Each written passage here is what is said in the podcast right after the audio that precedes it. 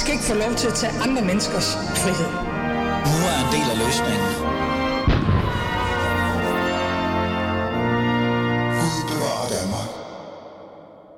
Ja, Gud bevarer Danmark og mig selv og alle andre ude i landet. Det er blevet øh, tirsdag. Ja, det er blevet torsdag, undskyld. Det skulle da torsdag i dag, ja. Og klokken er blevet 10, og du lytter til Alis Fæderland. Og mit navn er som altid Ali Amin Ali. I dag har vi det er en af de der sommerdage, ikke? Vi skal lige slappe lidt af, vi skal nyde livet, vi skal vinde vores, øh, jeg ved ikke om det er viske cola, hvad det end er, frem og fordybe os lidt. Fordi i dag har vi en en individ, en person, en folketingsmedlem i studiet, som vi netop skal fordybe os i. Hun er... Øh, hun er en del af et, øh, hvad kan vi sige, et parti, som har udviklet sig, som er kommet fra ingenting, og nu muligvis er øh, fremtidens, eller måske allerede nu, øh, Danmarks rigtigste, eller rigtige arbejderparti i virkeligheden. Jeg har Susi i studiet. Susi, du får lov til at selv at reelt set at fortælle, hvem du er. Velkommen til. Tak skal du have. Kan du lige øh, sætte nogle ord på, hvem du er, og dit navn og det hele? Ja, det er jo altid svært at snakke om sig selv. Jeg hedder Susi, og jeg hedder Jessen til efternavn. Og så er jeg blevet politisk ordfører for Danmarksdemokraterne. Før i tiden har jeg rendt rundt og været lokaljournalist rundt omkring i Jylland. Jeg har været taleskriver, og så har jeg arbejdet inde på Christiansborg som politisk konsulent også før i tiden. Hmm. Så bor jeg i en lille landsby, der hedder Elkestrup, sammen med min mand og vores tre børn. Så det er jo også bare børnefamilievalg, hvad det indebærer øh, madpakker og kaos og blæer over det hele. mm. Og det er jo sjovt, fordi grund til, at jeg lagde lidt op til, at du skulle forklare selv, øh, hvem du var, det var det der med, at du både beskriver, at du er folketingsmedlem, du er politiker, men du er også bare ligesom alle andre.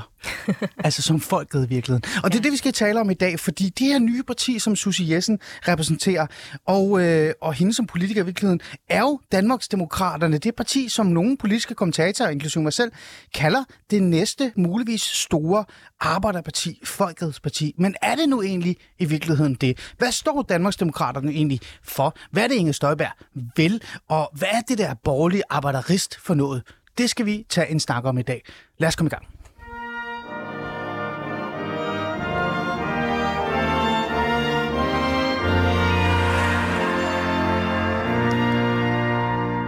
Susie Jessen, jeg har jo meget på menuen, og alligevel har jeg ikke noget på menuen. For det er de der mærkelige øh, minutter og øjeblikke, øh, timer, hvor jeg beslutter mig for at droppe manus, og så bare have en fornuftig, øh, rolig samtale med den gæst, jeg har over for mig, for at lære personen at kende, men også vide, hvad der egentlig kører rundt deroppe. Ikke? Ja. Du er dagens gæst, Susie Jessen. Du er folketingsmedlem, som jeg sagde, for Danmarksdemokraterne. Du er en med stjerner. Det er dig, der kommer til at bestemme, hvad der skal ske i fremtiden. Øh, muligvis i virkeligheden. Men du kommer jo fra et sted, Øh, du var jo noget før Danmarksdemokraterne blev til. Mm. Det synes jeg er på sin plads at lige tage den der historie med, ja. øh, før vi begynder at dvæle lidt i, hvem du er og hvad partiet egentlig repræsenterer. Øh, Susie Jessen, hvad var du for en størrelse, før Danmarksdemokraterne lige pludselig dukkede op af ingenting? Jamen, øh, da Inger hun stiftede Danmarksdemokraterne, det er jo snart et år siden, der, øh, der sad jeg over i øh, Dansk Erhverv og havde været der et halvt års tid, øh, og var taleskriver øh, for Brian Mikkelsen derinde. Og det var jo et super godt øh, arbejde, jeg havde der. Men så da Inger stiftede partiet, der synes jeg nu alligevel, at der var noget, der trak tilbage på Christiansborg, hvor jeg jo også har, har arbejdet før.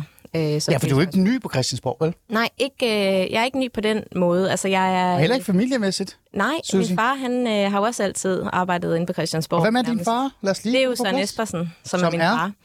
Og han er øh, kulturordfører hos Danmarksdemokraterne. Men var tidligere, altså hvis man tænker lidt på, hvem han ja, var? Jamen, han har jo været alt muligt. Han har været både pressechef inden hos Dansk Folkeparti i gamle dage, og så har han, øh, han har også været næstformand i, øh, i Dansk Folkeparti og udenrigsordfører. Så du kommer fra en politisk, øh, en politisk familie, kan også man sige? i den grad, ja. Øhm, hvad med dig selv politisk? Hvor stod du egentlig henne, før du øh, lige pludselig blev Danmarks demokrat?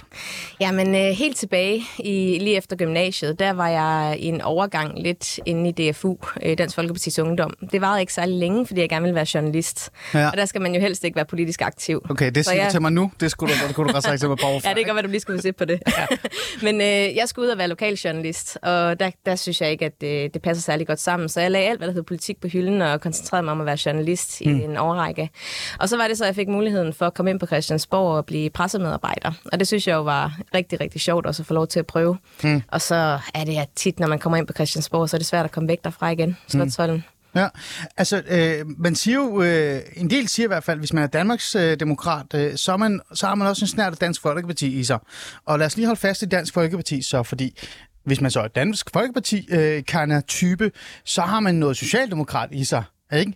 Øh, Susi, er, der en blanding af Socialdemokratiet og borgerlig blå og, og jeg ved ikke hvad i dig, eller hvad?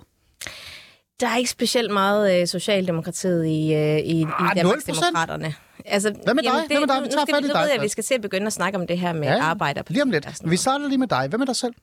I gammel tid, helt tilbage, der har jeg øh, været rødere, end jeg er i dag. Det har jeg været. Okay, skal jeg være bange nu? Altså, er vi over i marxisme, eller Nej, nej, nej, nej, slet ikke. til på Jeg tror, jeg, jeg har faktisk stemt på Socialdemokratiet en enkelt gang til kommunalvalg. Hold da. Øh, men, men jeg tror også, det har været sundt for mig at komme over til dansk erhverv, faktisk. Og, og opleve nogle af de ting, Ah. ah. som de kører med derover.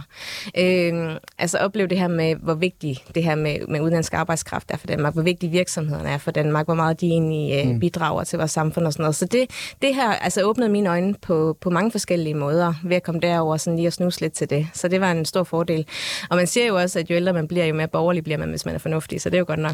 Nogle siger jo, at jeg er blevet mere rød, jo, længere borger, jo mere borgerlig jeg er blevet. Det Nå, handler det måske måske- mere om, at jeg ikke stoler på de borgerlige længere. Okay. Det skal vi nok komme Det kan på vi lave om på. Lidt. Men, men Susi, hvad er du egentlig så egentlig, altså hvis man skulle være lidt fræk og sige, hvad er du egentlig så rundet af i virkeligheden? Fordi øh, du nævner jo rigtig mange ting. Altså, er, er du bare rundet af øh, næsten alt, både politisk, samfundsmæssigt, men også øh, kulturelt så? Altså, jeg tror, jeg har en, øh, en fordel i, at vi som børn har boet mange forskellige steder i vores land. Altså, vi har boet lige inde på Rømersgade, øh, hvor jeg havde meget af min barndom. Så har vi Jeg boet ved ikke, nede- hvor skal er. Nej, det er inde ved Nørreport station Ah. øh, i København. Og så har vi boet nede på en mark øh, i Vordingborg. Jeg har boet i England. Det ved jeg godt, så, hvor er. Ja, så vi har, altså, jeg har prøvet at, at opleve de mennesker, der bor forskellige steder i vores land på forskellige måder. Øhm, Så du er rundet af Danmark? Er det ikke det, du prøver at sige til mig? Altså, du er rundet lidt af, af det hele? Det håber jeg, da er. Både altså, jeg vil også sige, jeg er uden, også øh, rundet af England. udkantsdanmark Jeg er også rundet af England, fordi jeg er halvt englænder. Ja. Øh, så der har jeg sådan en mærkelig forka- forkærlighed for sådan noget pickles og øh, baked beans og sådan nogle underlige ting. Ikke? Ja. Så, øh, så altså, jeg, jeg er rundet af mange ting, og jeg tror egentlig også, det er meget sundt at være et lidt sammensat menneske. Altså, det, mm. det tror jeg da egentlig er meget godt. Okay. Det er jo vigtigt at lære øh, dig at kende, øh, både øh, i forhold til, hvad du er rundet af, og hvem du kommer, øh, hvad du kommer fra, fordi du netop har været igennem sådan en politisk rejse, og nu er en del af et nyt parti, som, som jeg sagde til dig nærmest, der kom ud af ingenting. Øh, Nu var der jo en grund til, at det kom, og det kommer vi ind på lige om lidt.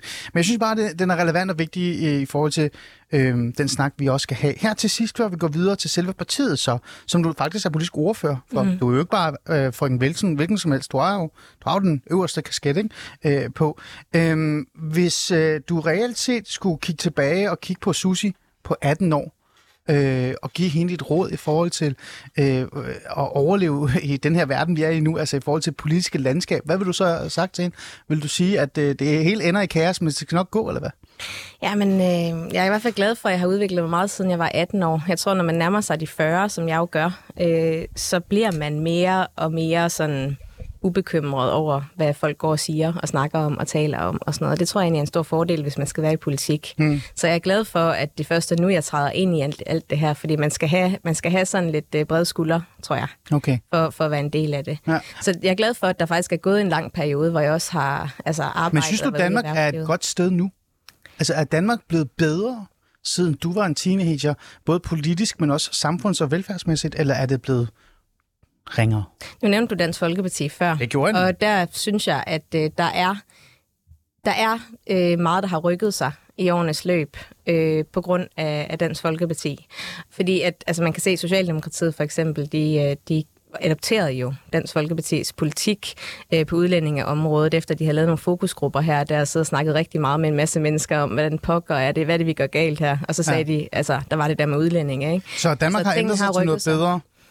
Ja, altså der, er blevet øh, også med Ingers fortjeneste i øvrigt som øh, udlændingeminister, altså der, der er kommet en, øh, en, altså, hvad skal man sige, at folk er blevet opmærksomme på det her med, at vi skal altså have en stram udlændingepolitik. Og der tror jeg også, at, at det har øh, gavnet meget, vi har kigget over til Sverige og set, hvordan det kunne have været. Fordi i 90'erne, der var vi jo lidt på vej i samme retning som Sverige, men Ja. så var det så, at det begyndte at gå to forskellige mm. veje. Ikke? Men, det er men Susie, fordel. du nævner udlændinge og integration. Det er det eneste, du taler om de sidste tre minutter, da jeg spurgte dig om, hvad, hvad der egentlig er godt og skidt, hvis man kigger på alle de andre områder. Er det blevet bedre eller dårligere? Altså velfærdsstaten, øh, udkants Danmark. Øh, Uh, du må ikke sige udkants Danmark, når du snakker med mig. Det er jeg ikke meget for.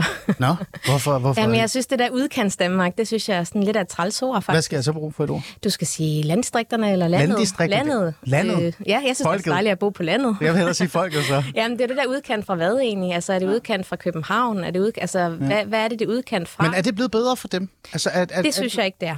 Der er øh, sket noget i årenes løb, for eksempel her fra 2015 og frem, hvor det er, at man har udflyttet statslige arbejdspladser. Jeg tror, man Ja. endte med at udflytte omkring 6.000. Ja. Men i samme periode, så er der jo øh, 10.000 statslige arbejdspladser, der er blevet oprettet inde i København. Det er rigtigt. det er bare et eksempel på, og jeg synes, Danmark er ved at knække over.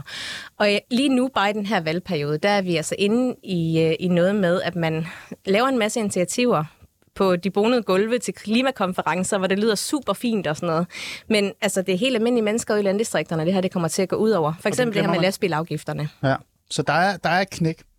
Der er et knæk, og det bliver kun værre, hvis det er, at vi ikke tager hånd om det. Altså fødselstallet, vi kan se, at fødselstallet falder ude i landdistrikterne. Mm. Der er en affolkning i gang, og hvis det er, at man ikke har et vedvarende fokus på det her, så ender det altså galt, og jeg kan overhovedet ikke se, at regeringen er i gang med noget som helst på det her område. Øh, Vi tager lige, lad os lige holde fast her. Det er spændende, det her. Ja. Øh, Og det er derfor, det er godt, at man ikke har et manus. Ikke?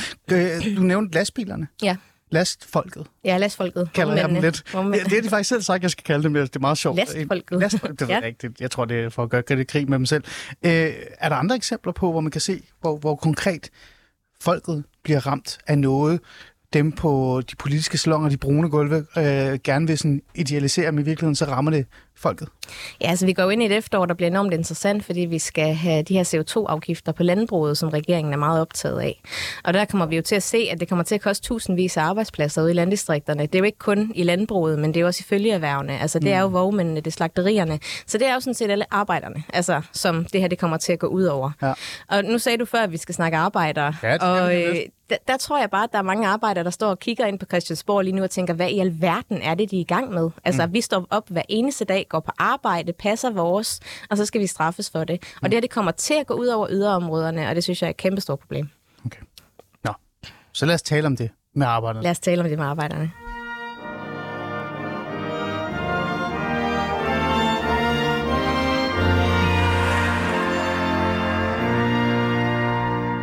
Nå, Susie, nu har vi jo på en eller anden måde lært dig lidt at kende, mm. synes jeg. Og du har også været bombastisk og kigget lidt ondt på mig, mens du har lagt din... I hvert fald, da du begyndte at snakke om uh, de brune gulve og de politiske salonger. Der kan godt se, nu mente du det virkelig, uh, Susie Jessen. Ja. Øhm, nu skal vi jo tale om det med det politiske så, fordi det er jo Danmarksdemokraterne, du er en del af. Danmarksdemokraterne Inger Støjberg. Mm. Undskyld, jeg skal lige forstå noget i virkeligheden. Hedder det stadig Danmarksdemokraterne Inger Støjberg? Eller er Inger væk nu? Oh, det ved jeg faktisk ikke. Nej, Det kan jeg altså ikke svare på. Altså, det hedder Danmarksdemokraterne. Det er jo, det er jo vores partinavn. Men, Men da det var, der vi den der skulle registrere os dengang, Ja. så var det jo, hed det jo Danmarksdemokraterne Inger Støjberg. Okay. Men altså, Øhm. skal det ikke væk på et tidspunkt, eller hvad? Det, altså, hvis du går ind og kigger på vores hjemmeside, så tror jeg ikke, det står der nu. Øhm, Okay, jeg så der bare står bare nysgerrig. Danmarksdemokraterne. Jeg blev bare nysgerrig. Men hvad er egentlig Danmarksdemokraterne så? Ja. Øh, altså sådan i bund og grund. Tre ord. Tre ord Ja, du er politisk ordfører. For, Tre folk, ord. for folk, som vi er flest. Ja, oh godt. hvis du vil bruge den. Det var lidt mere end tre ord, men det men, går nok. Men hvis man skulle sige tre, øh, hvad kan vi sige, politiske områder, der er vigtigst, Ja. der virkelig definerer Danmarksdemokraterne. Man kunne godt sige for eksempel det, som mange er kommet fra, Dansk Folkeparti, så vil for eksempel sådan noget som, øh, altså jeg får helt lyst til at sige dyr, mm. dyrevelfærd, integration, altså eller udlændingepolitik, og så, øh, jamen faktisk velfærdsstaten for sig Ja. selv, ikke? Hvad, hvad tre ord? Må jeg tre- godt sige fire? Nu er jeg forhindret Ja, det må lidt. du gerne. Ja. Udlændingepolitik, landdistrikterne, god forhold for produktionsdanmark og et ordentligt velfærdssystem, uanset hvor man bor hen i landet. Okay.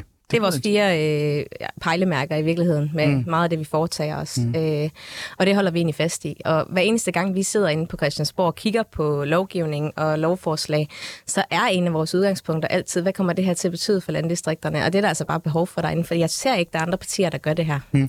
Altså, jeg vil jo sige, hvis, jeg, hvis vi tager de øh, fire områder eller emner, du, øh, politiske emner, du nævner der, mm. så den, I har brugt allermest tid på, det er jo det her med øh, landdistrikterne eller dem uden for storbyerne. Ja. Øhm, hvad er det, Danmarksdemokraterne kan og vil, som andre ikke vil eller kan gøre for den gruppe? Jamen, det er jo netop det her med at have et vedvarende fokus på det, og vi har jo allerede stillet nogle beslutningsforslag, blandt andet det her med et højere kørselsfradrag, hvis det er, at man bor i yderområderne, sådan så det er, at man kan få Ja, ja, gevinst ved at, at pendle langt, for eksempel, hvis man bor langt væk.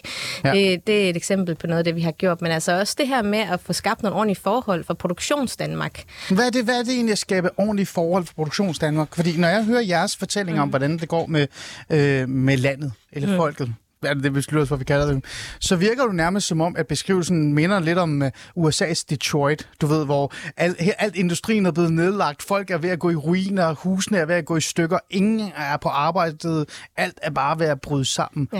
Øh, Det er jo den virkelighed, selvom jeg er enig med meget af det, I faktisk øh, siger, øh, i forhold til, at vi skal have fokus på, på landet. Men så er det jo ikke den virkelighed, der er. Så hvad er det egentlig, der er så galt, øh, som der skal fikses her nu? Men det er rigtigt nok, der er jo mange områder, hvor det kører rigtig fint. Nu har jeg lige været på FUR her øh, til 5. juni og holdt grundlovstale. Ja. Øh, og der går det jo sådan set meget godt. De har en god færge, de har øh, en læge, de har en skole på øen.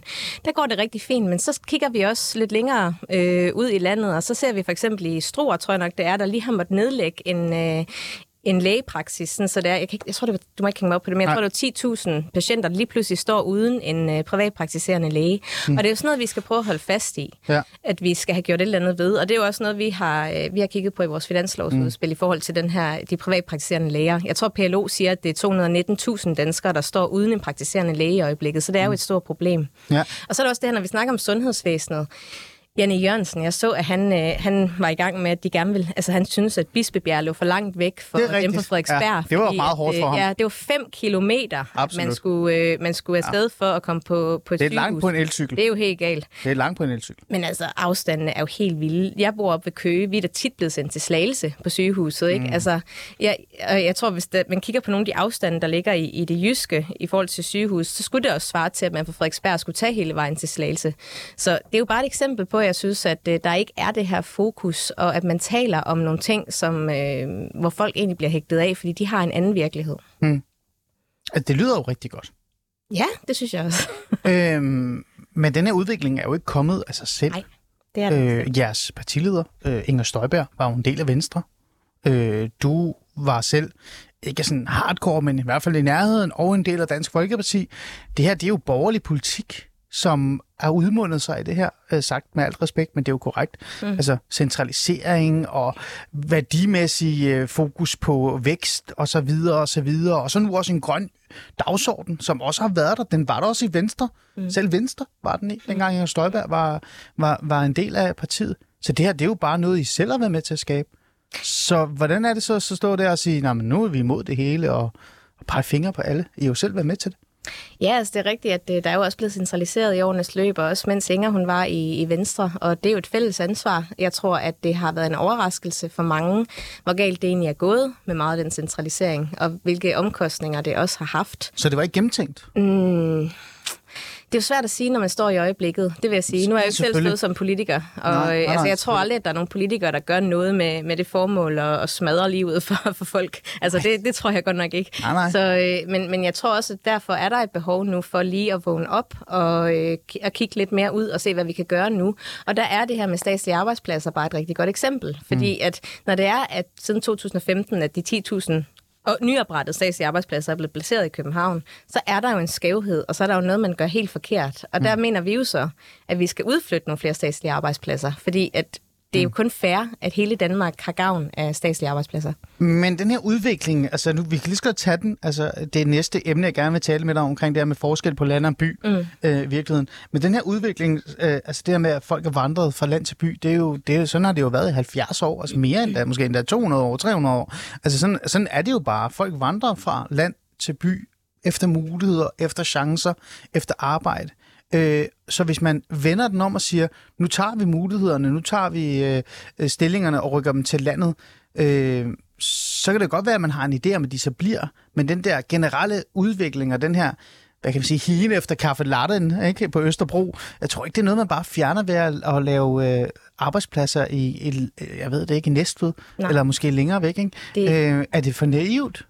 Det er jo øh, et kredsløb, det her, kan man sige. Et Og det, kredsløb? Ja, Hvad mener du med kredsløb? Jamen, det bliver jo ikke kun løst ved, at vi flytter statslige arbejdspladser ud. Det er jeg fuldstændig enig med dig i. okay. Men det handler... Men det er bare fordi, det er jeres forslag. Altså, det er jo Ja, det, ja, det er en af vores, vores Ah, ting, vi foreslår. ah, ikke? Hvis du kigger okay. i vores finanslovsudspil, så er der jo masser. Altså, Jamen, det har jeg også gjort.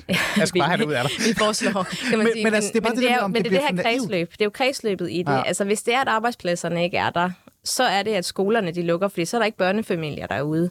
Øh, og hvis der ikke er skoler, så forsvinder infrastrukturen fra de små byer. Så det er jo med at kigge på det hele, altså i et samlet kredsløb på en eller anden måde. Men, men Susie, hvorfor er det så vigtigt? Altså, jeg har min egen idé og antagelse mm. omkring, hvorfor det er så vigtigt. Der skal mm. være skoler derude, der skal være fritidsklubber derude, der skal være folk, der bor derude, der skal være arbejdspladser, som øh, så er statslige, fordi åbenbart at virksomheder ikke selv vil investere og have arbejdspladser ude i de her små byer.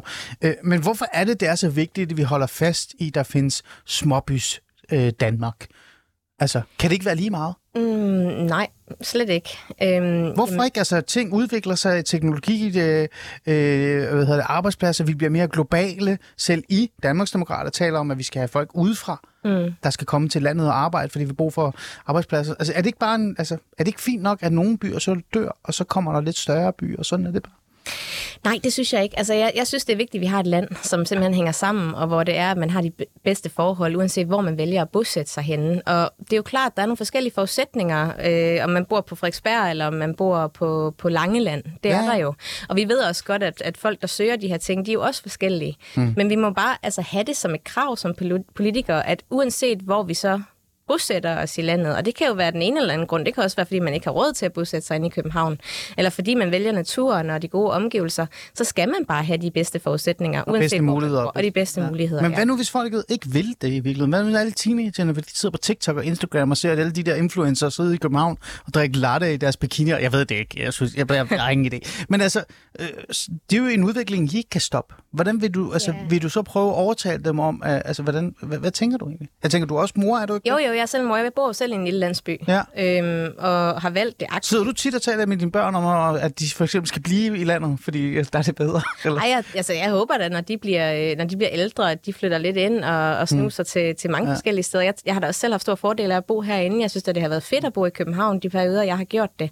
Men jeg tror også bare, at der er mange børnefamilier, som hvis det er, at man har de rette rammer, så vælger man også at flytte lidt ud, så har man mm. øh, plads, så man har en have, man har en skov og en strand tæt på og sådan nogle ting. Altså, og, og måske lidt mere ro, som man også har brug for som en børnefamilie. En mm. landsbyskole, hvor man måske kender alle, mm. øh, der bor i byen. Sådan nogle ting der. Det, mm. det skal vi bare være med til at understøtte, for det gør jo netop, at folk de flytter ud. Mm. Grunden til at spørge om alt det her, det er jo netop fordi, at når Danmarksdemokraterne og Inger Støjberg og, og for den sags skyld også nogle socialdemokrater går ud og siger, at der er der er virkelig kommet en grøft mellem land og by, mm. og der skal gøres noget. Øh, der er ikke de samme muligheder, nærmest de samme rettigheder, får man næsten lyst til at sige. Øh, lovgivningsmæssigt er god nok, men i hvert fald et, øh, hvad kan jeg sige, tilgængelighed eller øh, adgang til for eksempel uddannelse og arbejdspladser mm. og sådan noget. ting. Så er der jo mange fra København, fra storbyerne, selv endda fra Aarhus, som siger, at det er noget sludder og prøvel. Grunden til, at det er sådan, det er jo fordi, folk vil bo i storbyerne. Og hvis du flytter arbejdspladser til Langeland, så er der ikke nogen, der søger dem. Så er der ikke nogen, der gider arbejde der. Så har du et problem med det også. Hvad med den? Hvad siger du til dem? Noget af det, jeg faktisk synes har manglet med det her udflytning af statslige arbejdspladser, det er opfølgninger på, hvordan det egentlig går med noget af det, vi har udflyttet. Nu bor jeg jo nede øh, på Sydsjælland, altså tæt på Sydsjælland, og Udlændingsstyrelsen for eksempel, den er blevet placeret i Næstved. Det går egentlig meget godt. Altså, men det hører vi jo bare ikke så meget om. Hvad mener du, at det går meget godt? Jamen, altså, jeg kan da huske dengang, at det her udflytning af statslige arbejdspladser kørte, og folk de var sådan, kan vi overhovedet skaffe øh, folk til at arbejde i de her stillinger og sådan noget? Altså, det var jo noget vrøvl. Det er jo mm. egentlig kørt fint nok. Mm. Øh, så jeg har hørt rigtig meget sådan palaver dengang, at øh, man tog beslutningen. Men altså, det her med at følge op og lige finde ud af, okay, har det her egentlig ikke gavnet mange øh, lokalsamfund mm. rundt omkring i landet? Det har det faktisk. Så du køber ikke den der Altså, Nej, også, jeg er også fra England. Øh, min mor er fra England, og øh, i England der taler man meget om det her the good life. Og når man siger det, mm. så behøver man ikke at uddybe, for det betyder det gode liv på landet. Øh, mm. Og der er det bare, jeg, da jeg gik øh, på den her lille landsbyskole i øh, Phoenix Pelham, der som, som barn, der var ja. der jo mange, der tog den der lange tur ind til London hver eneste dag, for at komme ned til, øh, til landsbyen mm. efterfølgende. Ikke? Mm. Så vi har bare en anden mentalitet, og vi har også en, begrænset... Øh, altså, vi vil, ikke, vi vil ikke så helst rykke os for meget. Altså, vi vil ikke pendle for langt og sådan noget. Mm. Og der tror jeg bare, vi skal skabe de rigtige forudsætninger for, at man vil pendle den der ekstra afstand for at komme på arbejde, hvis det ligger inde i byen. Ja. Og så øh, tage hjem til The Good Life bagefter. Mm. Det er jo interessant, det der med good life. Så får, du, så, så får du så tale med dig om det good life lige om lidt. Ja. Men det skal jeg nok gøre. Øh, vi er derved, hvor jeg reelt set bare er nysgerrig omkring, hvad er egentlig Danmarksdemokraterne, hvad kan de, og hvorfor de taler om så meget forskel på land og by. Det virker som om, at, øh, at, du, altså, at der er forskel, og der skal gøres noget ved det. Nu spørger jeg så, vi har været inde på det konkret, altså tror du, Danmarksdemokraterne så kan gøre noget ved det? I står, hvor mange procentdel er det, I står på nu? Er det ikke cirka 10 eller sådan noget? I har været på 10, og så er I nede på 8, og I kører lidt op og ned og sådan nogle ting. Mm. Øhm, altså, er det her... Nogen vil jo også være lidt fræk at sige, i virkeligheden handler det ikke om, at vi gør noget ved det. I virkeligheden handler det bare om, at jeg har fundet en gruppe af stemmer, som har brug for en stemme, og så taler I til dem.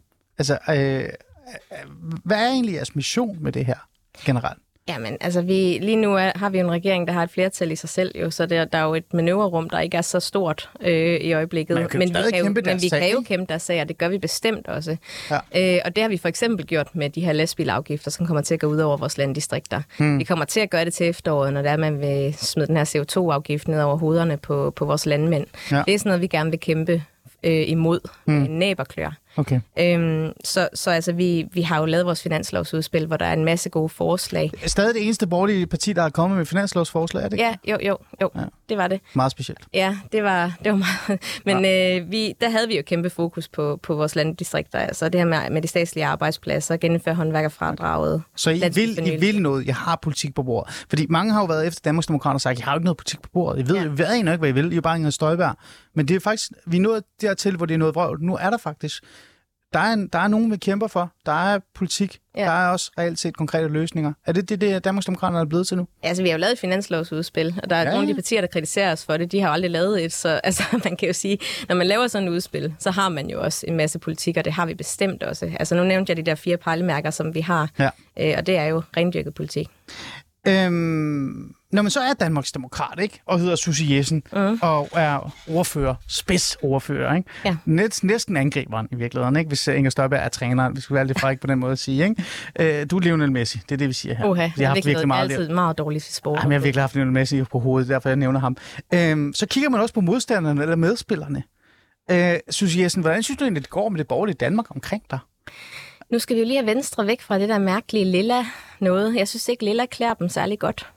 Det må jeg sige. Det ligner, de bor der. Det ligner ikke, at de har tænkt sig at bare være der midlertidigt. Nej, nu må vi se. Altså, jeg håber godt nok en eller anden dag, at Venstre det går op for dem, at de ikke hører hjemme der, og at de kommer tilbage til Blå Blok. Nu lyder du lidt som sådan en, uh, som en, sådan en, uh, en, en en, undskyld, jeg siger det på en måde, men som en ekskæreste, der er blevet dumpet, men håber på, at kæresten kommer tilbage.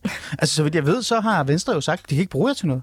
De er videre til den næste blondine, eller hvad det er, de har fundet. Jeg ved ikke. Nu må vi se. Nu må vi se. Jeg Men tror, altså... at der er noget god, øh, altså der er en grunddybde, en god borgerlighed gennem de fleste venstrefolk, og jeg tror også, at på et eller andet tidspunkt, at de vil sige, at nu skal de tilbage til det borgerlige Danmark igen, og der er rigtig meget godt i gang.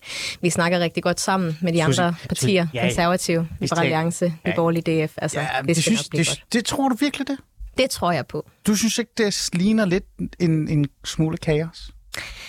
Det er klart, at når et øh, parti, som som re, altså altid igennem tiden har stillet med statsministerkandidaten for den ja. borgerlige fløj, mm. vælger at gå over til Socialdemokratiet, ja. øh, så er der et, en udfordring mm. med Blå Blok. Det er klart, det er mm. der, det skal vi have løst. Men jeg, nu er det her jo et nyt projekt, og jeg, jeg ser ikke sådan umiddelbart, at, øh, at det går sådan gnidningsfrit, Lad mig sige det sådan. Det skal det heller ikke gøre, jo. Så lad os nu lige se tiden an ja. og, og se, hvad der sker i de kommende år. Det ja. bliver spændende. Uh, har du nogle eksempler på de der glidnings problematikker. Ja, ja. Jamen, altså... Øh, du har siddet med bare, bare et eksempel med det her, med, der har kørt i går med, med skærmtid i, øh, i daginstitutionerne. Ja, det altså, så var Mathias Tesfaye ude og sige, at det skulle begrænses, så lige bagefter så var Venstre ude og sige, at det skulle det ikke. Og jeg synes tit, at man hører øh, nogen på talerstolen snakke om, hvad Venstre synes. Venstre synes. Altså, det er jo ikke sådan så meget regeringen. Ah. Øhm, jeg er ikke politisk øh, analytiker, det må du øh, det må ah, det er du jeg heller ikke. Jeg er men, bare spilrådgiver. Ej, men nu begynder du igen at tale om det der med, at der er, der er knas i det forhold. Jeg er mere interesseret i dit forhold og jeres forhold til Venstre. Mm. Øh, er der ingen vidninger der? Det er der da. Det er jo derfor, I er væk fra hinanden igen. Venstre har jo direkte sagt, man kan jo ikke bruge jer til noget. Har de sagt det? Det har de jo cirka. Oh. Ej, det tror jeg godt, de kan på et eller andet tidspunkt. Det vil jeg sige. Altså, jeg har det Så du tror ikke på fremragende med mange øh, venstrefolk derinde. Altså også fordi vi har meget det samme værdigrundlag, mm. det kan man bare mærke, når man snakker med folk. Det var fordi, Så... de kunne jo reelt set et blot alternativ med jer. Ikke? Ja. Øhm, og det er det, jeg sidder bare sådan og tænker, øhm, nu siger jeg det ærligt, ikke? Ja. Susie, nu taler vi. Jeg ved godt, du er folketingsmedlem og sådan nogle ting. Og så skal du få skal ud senere, hvis det er. Inger, hun, hun lytter til det her program, det ved jeg alligevel. Øhm, fordi man kan jo også sidde der og tænke, vores formål med livet, Danmarksdemokraterne, det er at lokke Venstre tilbage, så kan, vi kan få et stærkt blot alternativ, blå blok. Mm. Man kunne også komme til den konklusion og sige, at Venstre, jamen det der bare var ærgerligt for jer. Nu prøver vi at samle et blot mm. alternativt. Ja. Hvorfor, hvorfor begynder I ikke at tale om det mere? Kan du, er det fordi, du ikke Det gør, vi også, det? det gør vi også meget. Øh, men vi er også nødt til at forholde os til Venstre, når vi ser, at vi synes, de rykker væk fra meget af deres øh, grundprincipper. Og det Ja. har vi jo for eksempel set med landbrugsdelen øh, nu, og, og vognmandsafgifterne og sådan nogle ting. Der synes vi, at Venstre begynder at bevæge sig væk. Hmm. Øh, de her øh, checks til arbejdsløse indvandrerfamilier, for eksempel, der synes Det vi også, de ja. begynder at bevæge sig væk. Ja. Og det er vi jo nødt til at opponere imod. Ja, ja. Men hvis vi nu Men- dropper ekskæresten og siger, så tager vi den stærke position. Kan du ikke se det til? Kan du ikke, kan du ikke se det for dig? Altså, at Danmarksdemokraterne på et tidspunkt kigger sig op og siger, det blå blok, er et specielt sted. Alex Vanopslag er utrolig populær, øh, men han er jo stadig liberal. Og med al respekt til Alex Vanopslag og øh, Liberal Alliance, så tror jeg ikke, der er en kæmpe stor procentdel af danskerne, der bare på automatik stemmer på et liberalt parti. Fordi det, det er bare ikke inde i danskernes DNA mm. øh, generelt. Men Danmarksdemokraterne kan jo godt være et parti, der siger, "Men så er vi det nye venstre. Kan du, kan du ikke se det for dig? Nej, altså jeg, jeg, jeg synes Er det faktisk, et det er fint med mange Altså, er forskellige... det bare- jeg, nej, men jeg synes, det er fint med mange forskellige partier i Blå Blok, der repræsenterer hver deres. Det synes jeg er udmærket. Jo, jo, Og- men, og men vi i større end venstre. I større, altså, i, kan, jeg, det, det, det er jo fint nok, man er blandet. Ja. Nu igen, nu prøver jeg lige at, at presse dig lidt. I behøver ikke at sige, at alle sammen skal være Danmarksdemokrater. Det Nej, nej. godt være, at eksistere. Men der er jo en, der skal stå for det hele. Mm. Inger Støjberg pegede jo teknisk set på sig selv, øh, i forhold til at være den, der skulle finde det nye øh, parti og den nye Det regering. har eller også noget at gøre med på valgnetten, og jeg kan Ej, vælge, det men allerede begynde at flytte med de radikale. Ja, det er og så tænkte selvfølgelig- vi, hvad er det, det er selvfølgelig rigtigt nok. der? Men, men Susie, helt ærligt, hånden på hjertet. Kan du ikke se dig selv være i sådan en position, hvor Danmarksdemokraterne faktisk siger, ekskæresten er tabt, Venstre er derovre, nu prøver vi at samle resten? Jamen, jeg ved, at der er en rigtig god dialog lige nu med partierne i Blå Blok. Altså, det ved jeg, Inger, hun snakker med, med alle de andre partiledere og har møder med dem og, øh, og har nogle rigtig gode snakke med dem. Vi skal finde os selv i det her, og det er der også andre partier i Blå Blok, der skal. Og, mm. Men jeg synes, der er en god... Øh, der sådan, man går lidt i takt i øjeblikket. Det synes jeg er øh, positivt. Mm. At øh, man har nogle fælles ambitioner og sådan nogle ting. Og det er jo der, vi er nu. Nu er det, hvad er der gået siden et valg nu? Øh, 9, 8, 9 Det måneder ikke, eller for sådan lidt noget. for meget, jeg ved det faktisk ikke. Men, øh, men altså, Det der har jo vagt, næsten, ja, synes ja, det er meget vagt. Og der har jo næsten, øh, næsten lige været et valg, og nu skal vi genfinde os selv i den her position. Ja. Og det er vi i fuld gang med. Men, Ja. men der er nogle øh, altså gode takter, og der, der er forskellige muligheder, uanset, altså, uanset hvor man er henne i det Ja. borgerlige Danmark. Der er jo som Liberal Alliance, og mm. så er der os og DF mm. og de borgerlige og sådan noget. Så jeg synes, der er en god tallerken af, af muligheder, og dem skal vi jo bare samle. en god tapas. Jeg elsker det. Nej, du skulle have sagt buffet. Ja, er der der, Susie? Ja. Skulle have sagt buffet. Men, Tapas, det var lidt for meget salon. men det er bare, ja, det er det nemlig. Ja, det, slet, det kan vi ikke slet ud, det her. Det bliver nødt til at gemme. Men, men, men Susie, det er jo fordi, mit spørgsmål ligger jo også i virkeligheden i det her. Har Inger Støjberg egentlig statsministerpotentiale? Jeg føler jo i virkeligheden, du skal sige ja, uden overhovedet at tøve. Men det ved jeg jo ikke. Har Inger Støjberg statsministerpotentiale? Jeg synes, det er mærkeligt at øh, begynde at snakke om statsministerkandidater osv., når Inger hun jo har sagt, at hun ikke er statsministerkandidat. Har Inger Støjberg statsminister potentiale? Potentiale, altså, altså Inger har potentiale til alt muligt. Hun er en dygtigste politikere, jeg nogensinde har mødt. Statsministerpotentiale? Ja eller nej? Det synes jeg, altså det vil jeg ikke sige, det vil jeg ikke komme ind på lige nu. Hmm. Det vil jeg altså ikke. Hvorfor ikke? Fordi at jeg synes, at den her... Altså, når hun ikke har meldt sig til noget, når hun ikke har meldt sig som statsministerkandidat, og det har hun jo ikke. Hun har jo sagt, at hun ikke er statsministerkandidat. Så synes jeg ikke, jeg har noget behov for at stå og sige det ene eller det andet eller det tredje, for det sætter gang i en hel masse. Øhm, så jeg, det, jeg kan kun sige, Støjberg er jo en af de primære grunde til, at jeg står her i dag, for jeg har altid været kæmpe fan af hende. Hun er en bravende dygtig politiker. Hmm. Øh, hun har også været en bravende dygtig minister. Hmm. Så må vi se. Ja, men det er heller ikke udelukket. Mm, nej, men altså, jeg vil ikke sige ja eller nej. Det vil Nej, nej, altså nej, nej, er bare, Nej. Fordi det er jo lidt, altså på et tidspunkt så ender vi jo med, at, at, at, øh, at der er valg. Mm. Det kan da være lidt lige om lidt, fordi øh, der er jo en anden en, en statsminister, nuværende statsminister, Mette Frederiksen, der er åbenbart måske på vej til NATO. Ja, jeg ved det det ikke. kan- det og Venstre, det som er i tvivl om, de overhovedet kan støtte en regering, de ikke ved, hvem der er leder af. Ja. Jeg tænker mere på dronningrunde, men det er det ikke. Det er en anden sag. Det er sådan noget politisk kommentatorvrøvl. Og Lykke, der snakker om nogen og noget og alt muligt. Ja. Lykke tilbage, hvor han altid har været. Ikke? øh, så derfor så er det da interessant at begynde at tænke lidt over, hvordan positionerer partierne sig allerede nu.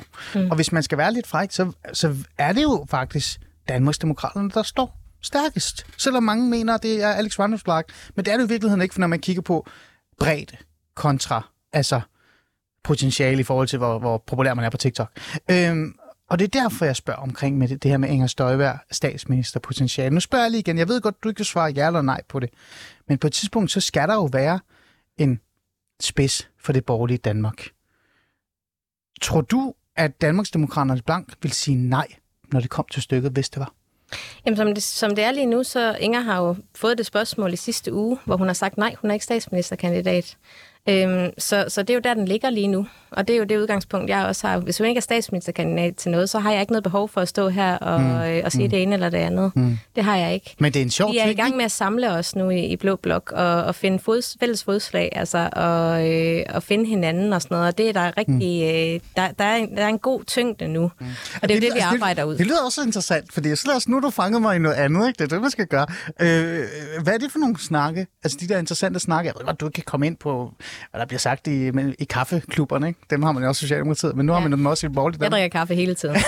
Men hvordan går det så med de der samtaler? Jamen, jeg Du synes, siger, det går jeg godt? Synes, det går godt. Altså, der er en... Øh, Altså er der fælles fodslag i forhold til politiske visioner, eller vinkler, eller nu har vi... uddyb gerne? Udover at være landdistriktsordfører øh, og politisk ordfører, så har jeg jo også den øh, nogle gange tvivlsomme glæde at være ligestillingsordfører. og øh, der oh. synes jeg faktisk, at vi har et godt øh, fælles fundament i Blå Blok i øjeblikket til lige Okay. at få lavet et opgør med alt det her fuldstændig sindssyge noget, der kører. Susie Jessen, hvad mener du med tvivlsomme nu bliver nu? Du er god til at få... Du, jeg er ligesom sådan en guldfisk, ikke? Du kan Ja, ja, ja. ja. rykke mig væk. hvad, hvad er det for noget tvivlsom? Jamen, det er bare... Altså, okay, nu, nu snakker Kom. man jo meget om de her fine salonger, og alt Ja. det, der øh, ikke Ud med det. noget Jeg for må høre. Hvad er det for noget? Når jeg skal stå og diskutere med Ida Augen fra Socialdemokratiet om, at vi skal lave en optælling af malerierne inde på Christiansborg, for at finde ud af, hvor mange mænd der er i forhold til kvinder. Fordi så skal vi jo... Altså, det, det er jo fuldstændig gak. Altså, det ved vi da godt. Vi ved da godt, der er flest mænd på malerierne på Christiansborg. Og det er jo sådan set fordi, at det øh, historisk set har været mænd, der har siddet inde på Christiansborg. Hmm. Den grundlovsgivende forsamling, det var jo sjovt nok mænd. Øhm, Nej, var det det? Jamen, det var det Ja, faktisk, helt for der var jo kvinder i Folketinget. Så det er, jo, det er jo sådan nogle ting, hvor, hvor jeg sådan, øh, tænker, hvad er det, der foregår? Og der er det desværre også sådan, synes jeg, at vores ligestillingsminister Marie Bjerre hoppede med på den der woke-vogn der. Og der skal vi lige have hivet hende lidt tilbage til fornuften. Og der synes jeg faktisk, der er et rigtig godt udgangspunkt, fordi vi har konservative, og vi har Liberal Alliance og DF og i borgerlige, Det har jeg. som har samlet sig. Ja. Og der bliver de her ligestillingsdebatter lige pludselig lidt mere interessante, fordi venstrefløjen traditionelt set har siddet på den her dagsorden, og nu går vi ind og udfordrer dem, og det synes jeg er super spændende. Mm. Men, Det er ikke sikkert, at de synes, det er særlig nej, nej, fedt, men nej. Men er den blevet skør? Altså er ligestillingskampen blevet for skør? Også i den grad. Er den det? Ja, vi har vi havde Eksempler? En, øh, jamen, altså ligestillingsredegørelse, vi havde nede i Folketingssalen, hvor vi sad i fire timer, og meget af tiden gik med at snakke om usynligt arbejde, og hvor frygteligt det var for kvinder, at de skulle støvsuge. Og når det var, de støvsugede, så var det da bare helt galt, altså helt ærligt. Jeg, jeg kender rigtig mange, og det, det mine veninder og sådan noget, og jeg kan love dig for, at de er så stærke, at hvis de ikke gider støvsuge, så siger de da bare til deres mand, at han skal støvsuge. Ja. Og så er den øh, givet barberet, man vil sige. Ikke? Altså, det her med at, at hive kvinder ned i sådan en offerrolle, med at vi ikke kan selv, mm. og øh, at vi bliver presset til alle mulige ting på grund af strukturer og sådan noget. Mm. Det er simpelthen, altså det synes jeg simpelthen er en dårlig vej at gå, fordi at man offerliggør kvinder, altså man gør kvinder til ofre. Er det det, og det er, er, det, er det, det. Socialdemokratiet gør? Er det det, øh, Venstre også for den sags skyld gør? Offentliggør kvinder ved at hoppe ind på den her vugdagsorden? Ja. Man gør, det? ja, man gør i høj grad kvinder til ofre ved at sige, at de ikke kan selv. At vi ikke selv kan indtage bestyrelsesposter og ledelsesgange, hvis mm. det er, vi ikke vil. Altså, vi skal have hjælp til det. Der skal være måltal. Altså, der skal være sådan noget med, at øh, der skal tælles op i virksomhederne, hvor mange kvinder der er. Og så lige pludselig, så har Grete fået en bestyrelsespost, men tror I så ikke, at resten af bestyrelsesgangen går og snakker om, hvorfor Grete hun fik den bestyrelsespost? Det var, fordi hun var en kvinde, og ikke fordi hun var kvalificeret til det. Mm. Det er blevet lidt skørt, det hele. Det er blevet rigtig, rigtig skørt, og jeg synes, man gør kvinderne en kæmpe bjørnetjeneste ved det her. Kan der være nogle kvinder derude, Susie Jessen, som måske ikke er så ressourcestærke, som du er, som nogle af de andre er? Jeg synes også, at ligestillingsdebatten er blevet speciel, fordi det handler mere om at få kvinder i bestyrelsesposter, end for eksempel at redde eller hjælpe nogle af dem, som virkelig bare kæmper for basale rettigheder. Nogle Præcis. af de der minoritetsetniske kvinder, der virkelig ikke engang har lov til at holde deres mobiltelefoner for sig selv, øh, og så videre, og så videre, og så videre. Øh, men kan der ikke være nogen ressourcesvage kvinder derude, der ikke kan sige fra, øh, for eksempel i forhold til at støvsuge derhjemme? Jo, altså nu nævner du selv minoritetsetniske kvinder. Og, Jo, men også øh, bare generelt Hvis man skal nævne en kommission, der var relevant, så var det faktisk den her kommission for den glemte kvindekamp, der blev nedsat i sidste valgperiode. og den er jo bare blevet droppet nu. Den Ja. er der ikke. Den ligger nede i skuffen et eller andet sted, om de ikke er kommet i gang med deres arbejde. Var det en de skuffelse, den blev droppet? Mega skuffelse, fordi at de var faktisk i gang med at afdække, hvad er det, vi kan gøre her for at modvirke social kontrol i indvandrermiljøer. Det er helt vildt vigtigt. Hmm. Og jeg synes bare, at ligestillingsdebatten, den er ekstremt navlepillende. Altså, det handler om karrierekvinder, det hele. Hvis vi tager MeToo-debatten for eksempel, der handlede det rigtig meget om mediekvinder og politisk, politikere. Mm. Hvad med alle de der socioassistenter, som har nogle udfordringer med, med altså, med de, at de bliver øh, antastet seksuelt på den ene eller den anden måde? Altså hvad med restaurationsbranchen? Dem synes jeg bare ikke, vi hørte særlig meget fra. Og det er fordi, de ikke er i den der øh, Slotsholm-boble, og så er det, at man mm. ikke diskuterer dem særlig Hvad er, det, hvad er det, de bliver udsat for af MeToo-skandaler, MeToo-sager eller krænkelser, som øh, øh, Christianborg-boblen er ligeglad med? Jamen, vi har jo set uh, undersøgelser, hvem det er, der bliver udsat, hvilke brancher, der bliver udsat for, øh, for flest seksuelle krænkelser. Hmm. Og der var journalister meget langt nede på, hmm. øh, på den der liste der. Hvorimod, at det er øh, sådan nogle sosuer for eksempel, som arbejder med, med ældre mennesker eller demente eller sådan noget, der ikke ved, hvad de laver. Det kan også være i restaurationsbranchen, hvor der er en mm. tit en anden mentalitet mm. omkring det her. Øhm, altså, så, så hvorfor er det, vi ikke har talt mere om dem, som det faktisk går ud over, mm. i stedet for at have så meget fokus på dem, der er inde på Christiansborg? Og det er jo fordi, at ligestillingsdebatten alt for ofte handler om dem, der sidder inde på Christiansborg og diskuterer det. Mm. Og det er jo tit kvinder, som er kommet mm. langt, der kommer i Folketinget. Mm. Altså, Men handler det ikke om bare om prioriteringer? også meningsdannere, som har handler det meget at sige. ikke, handler det ikke om prioriteringer? I kunne også bare gå ind og sige, nu gider vi ikke at tale mere om det. Nu vil vi ikke tale mere om socioassistenternes Ja, øh, vilkår. Vi vil have, at der skal være undersøgelser i forhold til det, og ikke så meget i forhold til hovedbestyrelsesmedlemmer, eller hvad Stine Bosse går rundt og siger. Ja, helt sikkert. Og vi, øh, det er også derfor, jeg nævner det her med, at vi har et godt borgerligt fællesskab nu, som egentlig mm. prøver på at banke nogle dagsordner igennem. Jamen, I Især også i en forhold til ligestilling igennem. på... Øh, jamen, det kunne vi sagtens. Og det gør vi også. Vi har jo det her ligestillingsproblem øh, med, med mænd, som... Øh, altså, hvis de ender på krisecentre på et tidspunkt, Ja. øh, det, det er et godt eksempel. Så har de ikke den samme, mm. øh, de samme rettigheder til for eksempel psykologhjælp og alle de her ting, som, som Ja. står klar, når, når kvinden hun, øh, hun ja. ender det samme sted. Ja. Og det har vi jo løst nu. Ja. Øhm, Så der er muligheder for det, hvor man reelt kan gøre noget positivt i forhold til ligestillingskampen, øh, MeToo osv. osv. Men der, hvor vi er lige nu, der er det stukket af, og det handler mere om privilegerede ressourcestærkes øh, holdninger og tanker omkring en... Ja, og, Er det så, det, du siger, og så handler det også om det her med, at det er ikke sikkert, at alle kvinder ude i Danmark har de samme forudsætninger og ønsker og drømme, som dem, der står og diskuterer det herinde på Christiansborg har. Siger du, siger Altså, du det at det kan fleste danske, øh, danske kvinder vil være i Det hovedbestyrelsen? kan sagtens være, at der er Ah. mange kvinder, der gerne vil arbejde deltid, mens Ja. deres børn er små, og det skal de da også have lov til. Så sælger de da ikke ud på nogen som helst ligestillingskamp. De har bare taget et aktivt valg om, at det er sådan, de vil have, at deres øh, liv Mm. skal være. Du sagde, at du havde også den fornøjelse af at være ligestillingsordfører. Ja. Øh, det virker lidt som om, at du er lidt træt af den, men samtidig så er det jo det, du brænder allermest for næsten. Jeg har Ja. talt med dig lige nu. Det er sådan en god værdidebat. Det synes jeg altid er sjovt. Ja, ja. Øhm, og de, ja, altså jeg bliver træt af det, fordi jeg bliver træt af den tid, vi skal bruge på ting, som jeg synes er så irrelevante. Altså, Mm. Det, det er noget af det, jeg bliver træt af. Ja. Og jeg hører venstrefløjen og mange, altså også ligestillingsministeren, der bliver med at sige, det her det skal ikke være en kampplads. Jo, det må gerne være en kampplads, fordi vi har nogle forskellige udgangspunkter for, hvad der er vigtigt. Mm. Og der synes jeg bare, vi er nødt til at få det her tilbage på et fornuftigt niveau igen, hvor vi ikke taler om alle de her mærkelige ting. Mm. Støv, støvsugning Ja. og, Ja, ja, ja. øh, og malerier. Okay. Ja.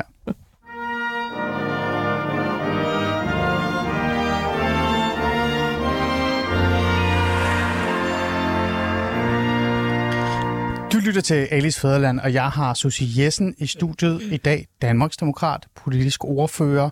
Og øh, hvis du lige er tunet ind de sidste hvad, 30-40 sekunder, så vil du tro, at Susie Jessen er i gang med at give mig tips omkring støvsugning.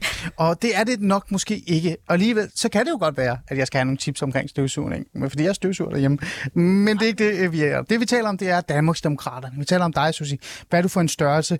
Hvad er der egentlig forskel på land og by? Hvad er det egentlig, Danmarksdemokraterne står for? Skal Inger Støjberg være statsminister, Susie? Det har du svar på. Eller, ikke svar på.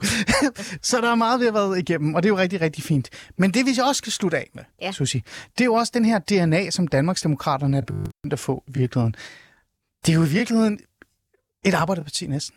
kan man jo godt sige. Ja. Et borgerligt arbejderparti. Jeg har gået rundt et par år og kaldt mig selv for borgerlig arbejder, fordi jeg har været sådan lidt, eller borgerlig arbejderist. Mm. Og så begyndte jeg sådan at tænke, hvad hun er det for noget? Nu er der jo nogen, der mener, at det er Danmarksdemokraterne.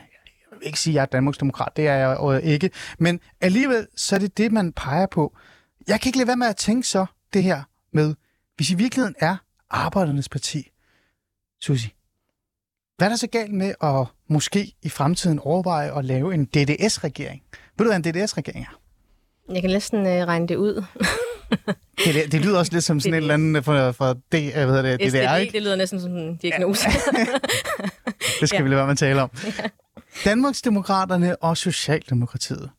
Altså, I er jo et arbejderparti. Socialdemokratiet er et arbejderparti. I kæmper nærmest øh, om, om fadet i forhold til at få de her... Øh, er det ikke også en mulighed? Altså, vi taler meget om blå blok og blå blok, men politik er jo ødelagt. Øh, blokke findes jo ikke længere. mm, ja, Susi? mm, det her arbejderparti-begreb, det synes jeg også, at man skal øh, prøve at, at kigge lidt på, hvad er det egentlig, det her det betyder? Altså, hvad er det, hvem er det, der arbejder i dag? Mm. Og der tror jeg, at, at det også er vigtigt i den her debat, at vi går lidt væk fra det her med, at det er dem, der står med de røde faner i fagforeningerne, fordi det er det altså ikke. Mm. Øhm, jeg, jeg er så heldig, at jeg er gift med en smed. Han er, er godt nok pedel i dag, men altså håndværker, og øh, Arbejder, han har godt nok arbejder, aldrig arbejder. svinget med nogen røde faner. Han har gået på arbejde og passet sit, og øh, været egentlig glad, hvis det var, der kom nogle skattelettelser og sådan nogle ting.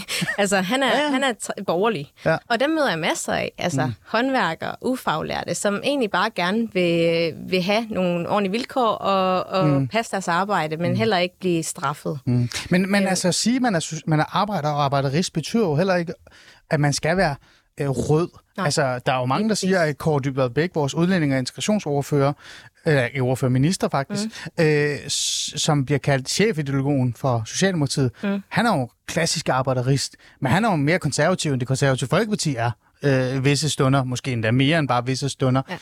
Så det der med, igen, som jeg spørger dig om, sådan, det der med, at at politik er blevet sådan, altså blokken er blevet væsket lidt ud. Folk har de samme værdier, mm. samme holdninger, de samme missioner til en vis grad, ikke? Øhm, og det er derfor, jeg spørger, altså for eksempel, nu kommer jeg bare, det er jo bare typisk mig at stille sådan nogle lidt frække spørgsmål, men kunne det det egentlig finde på at pege på en S-formand som Socialdemokratiet? For mig at se, så er det jo ideologisk og politisk jo ikke så langt væk, som at for eksempel noget andet, øh, endda måske endda Venstre.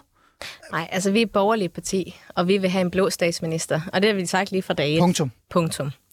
Og det er simpelthen fordi, at der er for mange ting øh, ved Socialdemokratiet, som ikke er i vores DNA. Øh, og der vil vi, der, vi kan se, hvordan det går med Venstre lige nu. Jeg synes, de sælger ud på nogle grundlæggende mm. principper. Konkret, konkret. Fordi Jamen, jeg, jeg har altså- svært ved at se nogle af Venstres værdier, der er hamlet op med jeres nu. Ja, altså ja. konkret nu. Men konkret i forhold til... Men, men det er det her med at passe på det arbejdende folk på produktionsdanmark. Altså, og det er jo arbejder, og det er det, der er så sjovt. Ja. Men, men der ser jeg bare ikke, at... Jeg, for eksempel, hvis vi går helt tilbage til Helle Thorning. Øh, hun havde så stor iver efter, at jeg tror, det var 60 procent, der skulle have en Ja. videregående uddannelse. Hun snakkede hele tiden om, at vi skulle bare uddanne os, uddanne os, uddanne os, og meget, meget Men lange Helle er jo væk nu. Nu er det jo Mette Frederiksen, og ja. nu Ja. er det for, måske Peter, øh, ikke Peter, Peter Hummelgaard eller Vammen. Mm. Altså, de, er jo, de er jo noget andet. De er jo den der arbejderist Ja. øh, som I også på en eller anden måde er blevet en del af. Jeg spørger, fordi... Øh, Susie, nu spørger jeg bare oprigtigt. Fordi hvis jeg sidder og kigger på jeres værdier, Venstres værdier og Socialdemokratiets værdier, og hvis jeg lavede sådan en checkliste, Mm. så tror jeg, der vil være flere flueben med jer og Socialdemokratiet, nuværende Socialdemokratiet, end der vil være Venstre og jer. Det er derfor, jeg bliver lidt nysgerrig. Det tror jeg ikke, faktisk. Det tror jeg faktisk ikke, der vil være. Øh, vi har et værdifællesskab med de øvrige borgerlige mm. partier, og det, er også, det handler også meget om det her med, med frihed, altså personlig frihed. Ikke alt for meget regulering, og ikke alt for meget indblanding i øh, helt almindelig familieliv, for mm. eksempel. Øhm, så vi har, vi har meget af det her, og det, det, det tror jeg ikke bare, man kan viske ud. Øhm, nu nævnte jeg det her med skærmtid tidligere. Ja, for eksempel. Øh, det, det er jo sådan et eksempel på, at man vil gå ind og regulere helt vildt meget mm. øh, over for nogle mennesker, som egentlig har en uddannelse, som man bør stole på, at ja. De kan varetage det her selv. Så det er jo sådan noget borgerlige grundværdier, og der mener jeg ikke, Socialdemokratiet har. Og øh, mm. altså, det, det, det er meget vigtigt for, for Danmarksdemokraterne. Og derfor så, altså, man vil se, jeg vil så ikke kunne se øh, nogen på noget tidspunkt, at øh, vi skulle i en regering med Socialdemokratiet. Øh, slet ikke. Og man kan også se, hvordan det er gået nu. Altså, jeg, jeg synes... Øh, det, nu har jeg nævnt det igen, jeg er simpelthen så gal over det med de der lastbilafgifter. Jamen, det, det er nu nævnt det ja, et par gange. Ja, jeg har nævnt altså, det et par gange. Og ja. vi havde det i, i salen i, øh, i sidste uge, og øh, det endte med, Jeppe Brugs, han faktisk gik på talerstolen, og, øh, og, snak, og vi fik en debat om det. Ja. Men det er jo bare sådan et klassisk eksempel på, at man straffer hårdt arbejdende folk Hmm. Øh, i klimaets navn. Ja. Ja. Øh, og det er ikke engang sikkert, at det kommer til at have sådan en Nej. effekt. Altså, det er jo, det er jo helt absurd, ja. at Venstre de er med på det der. Men jeg tror, at grunden til, at Venstre er med på det der, og ret mig gerne, det er jo netop den der idé eller antagelse om, vi alle sammen skal kæmpe og arbejde og betale for den her klimakamp, den her klimaændring. det er ikke fair nok. Det skal man også, men man skal, ikke lave, øh, man skal ikke lave klimapolitik med hovedet under armen, og det er det, jeg synes, de gør i øjeblikket. Mm. Og det er også det, jeg frygter, de kommer til at gøre med CO2-afgifterne på landbruget. Fordi hvis det er, at det ender med, at de her landbrug, de rykker til udlandet, Ja. så, ender, så er det jo lige meget for klimaet. Så, så kommer de bare et andet sted hen, hvor man måske sviner endnu mere. Og altså, vi, vi, vi kan jo godt lide mælk, og vi kan godt lide oksekød, og vi kan godt lide spørg og sådan noget. Skal vi virkelig, altså skal det stige i pris? Altså det er sådan nogle ting der, som jeg synes, der er vigtige at diskutere, og der er det bare sådan klima, klima, klima. Hmm. Og uden egentlig at diskutere konsekvenserne, både arbejdspladser og også for helt almindelige danskere. Okay. Det lyder interessant. Det bliver også interessant, fordi spørgsmålet er jo i virkeligheden også, selvom jeg bliver med at, at drille dig lidt med, med statsministerpotentialen, så handler det jo i virkeligheden om, hvem har egentlig de her, øh, hvad kan jeg sige, de her enheder, altså det der med, at man reelt kan se hinanden i den politiske vision, den drøm, man nu har. Ikke? Lige nu der er det jo Troels Lund Poulsen, der skal samle det blå blok. Øh, Jeg tænker, at Ellemann kommer tilbage i hvilken stand, det ved vi jo ikke. Øh, Men det hele er jo bare lidt mm. specielt, og det er derfor, jeg står her og arbejder, eller taler med dig om arbejderisme, ikke? som i bund og grund, øh, vil jeg være lidt fræk at sige, der hvor der har flest stemmer øh, i virkeligheden.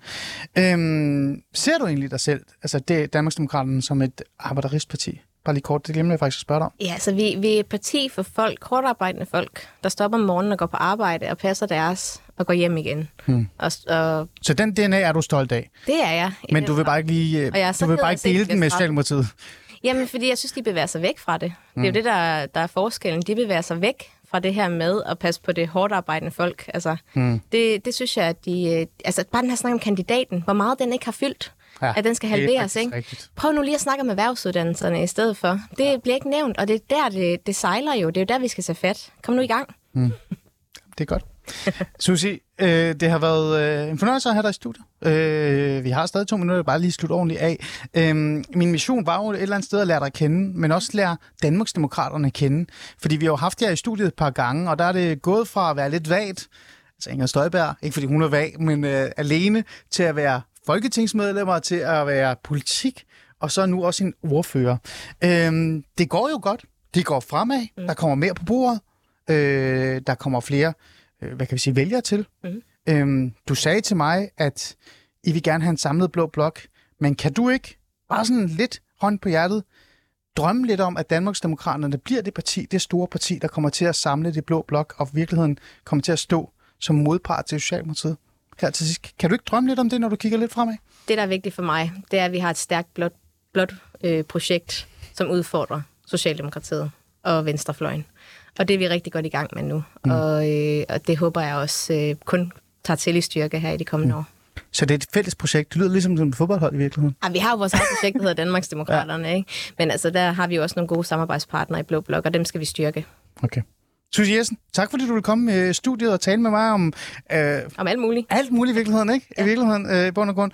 Og til jer øh, lyttere, tak fordi I selvfølgelig øh, lyttede med. Jeg glemte jo helt at sige, at I kunne deltage i samtalen, men det er fordi, jeg var så optaget af at selv tale med dig. det er synd. Nej, ærgerligt. Jeg kan sende nogle sms'er, så kan vi Ja. læse dem næste år, hvis det er. Ja. Øh, men altså igen, øh, I kan altid skrive ind, som, øh, og det kan I jo også gøre lige om lidt, fordi lige om lidt, så har vi faktisk en hel time mere, hvor vi skal tale om øh, nogle helt andre ting.